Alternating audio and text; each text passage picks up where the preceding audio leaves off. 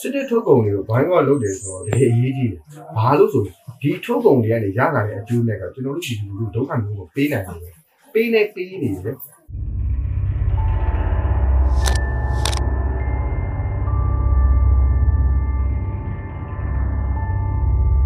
ပထမဆုံး Viber ပြည်သူတွေစလုပ်ခဲ့တာအစိုးရထီဘာဖြစ်လဲဆိုတော့အစိုးရထီရဲ့40ရာခိုင်နှုန်းကို သူကဆရာဆရာမတွေကိုလာစာပေးတယ်လို့အရင်တော့သိတယ်နောက်ပိုင်းမှာကျွန်တော်တို့ဒီ Viber ပြည်သူတွေအကုန်လုံးစလုပ်ကြမယ်ဆိုပြီးအစိုးရပိုင်ကြီးကိုလုံးဝမထိုးကြဘူးအခုဆို65ရာခိုင်နှုန်းအထိ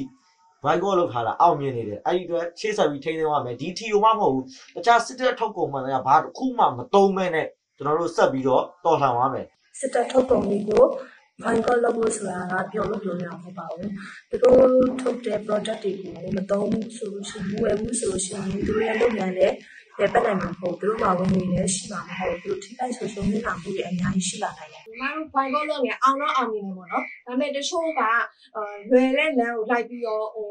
သုံးရတာအဆင်ပြေတဲ့ဘက်ကိုလိုက်ပြီးတော့ဘိုင်ကောတဖြည်းဖြည်းတော့နည်းနည်းတော့ကျနေတယ်အဓိကဆိုရင် my day တို့ပါတို့ စင်တက်တွေဆိုရင် operator ဘက်ကသူတို့ကလုံးချင်တိုင်းလုပ်ပြီးတော့ဒီ my day ကိုကောင်းအောင်လုပ်နေတဲ့အတွက်လူတွေက line ကောင်းတဲ့ my day ကိုပြောင်းသုံးတယ်အဲအဲ့ကနေအခွန်တွေရတယ်သူတို့ဘေကိုးတွေရတယ်အဲအဲ့ဘေကိုကပဲကြီးစံမနေဝယ်လို့ရတယ်ပေါ့နော်အဲ့တော့လူအသက်ဟိုဖြတ်စည်းမဲ့ကြီးစံတွေကိုကြီးစံဝယ်မဲ့ဟိုငွေတွေကိုအားပေးမယ်စားအာလုံးဝဘိုင်ကောလုပ်မယ်စစ်တပ်ကိုအမိဖတ်ဖို့အတွက်ဘိုင်ကောကိုဒီထက်ဒီထက်ပို့လုပ်ပေးဖို့တောင်းဆိုတယ်။ရေးစီအောင်မြင်ဖို့ဆိုတာက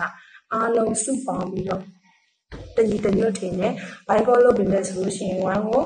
ဦးညီပေးမဲ့ဆိုလို့ရှိရင်တော့အောင်မြင်လာမှာဖြစ်ပါတယ်။အဓိကကတော့သူတို့စစ်တပ်ကထုတ်တဲ့ product စာတောက်ကုန်တွေကိုသုံးကုန်တွေကိုမသုံးဆွဲဖို့ပဲပြောချင်ပါတယ်။သူတို့အရန်ကိုလောဘကောတိုက်နေတယ်မတ်မောနေတဲ့အကျိုးဒီပေါ့ကျွန်တော်တို့ပြည်သူတွေကရိုက်ချိုးရမယ်။ဘလို့နည်းနဲ့ရိုက်ချိုးရမှာလဲဆိုရင်စစ်တဲ့ထုတ်ကုန်တွေလုံးဝမသုံးဘူး။စစ်တဲ့နဲ့ပတ်သက်တဲ့အရာမှလည်းကျွန်တော်တို့ဘီးမဆိုင်ဘူးအလေးမပြေဘူးအလေးမပြေဘူး လုံးဝသုံးခွင့်ခြင်းမရှိဘူးပတ်သက်ခြင်းမရှိဘူး။ဒါဆိုရင်သူတို့အကျိုးစီးပွားရေးတည်တည်နဲ့ကြောနေလာပြီးတော့သူတို့ဘဝပြတ်သွားလိမ့်မယ်။သူတို့တွေရဲ့ဝင်ငွေစီးဆင်းမှုကိုကျွန်တော်တို့ကဒီက Viber ဆိုတဲ့ဟာတစ်ခုတည်းနဲ့ဖြတ်နိုင်တာအဲတော့ပြည်သူတွေမှာတုံးဆွဲစရာတွေအများကြီးရှိတယ်ရွေးချယ်စရာတွေအများကြီးရှိတယ်စစ်တပ်ပိုင်းပစ္စည်းတွေကိုတုံးမဲ့အစားပြည်တွင်းပြည်တခြားပြည်သူတွေရရင်ထုတ်လုပ်တဲ့ပစ္စည်းကိုတုံးပေးခြင်းဖြင့်ပြည်သူအချင်းချင်းဝင်ငွေစီးဆင်းပြီးတော့စစ်တပ်ကိုဖြုတ်ချရရောက်တယ်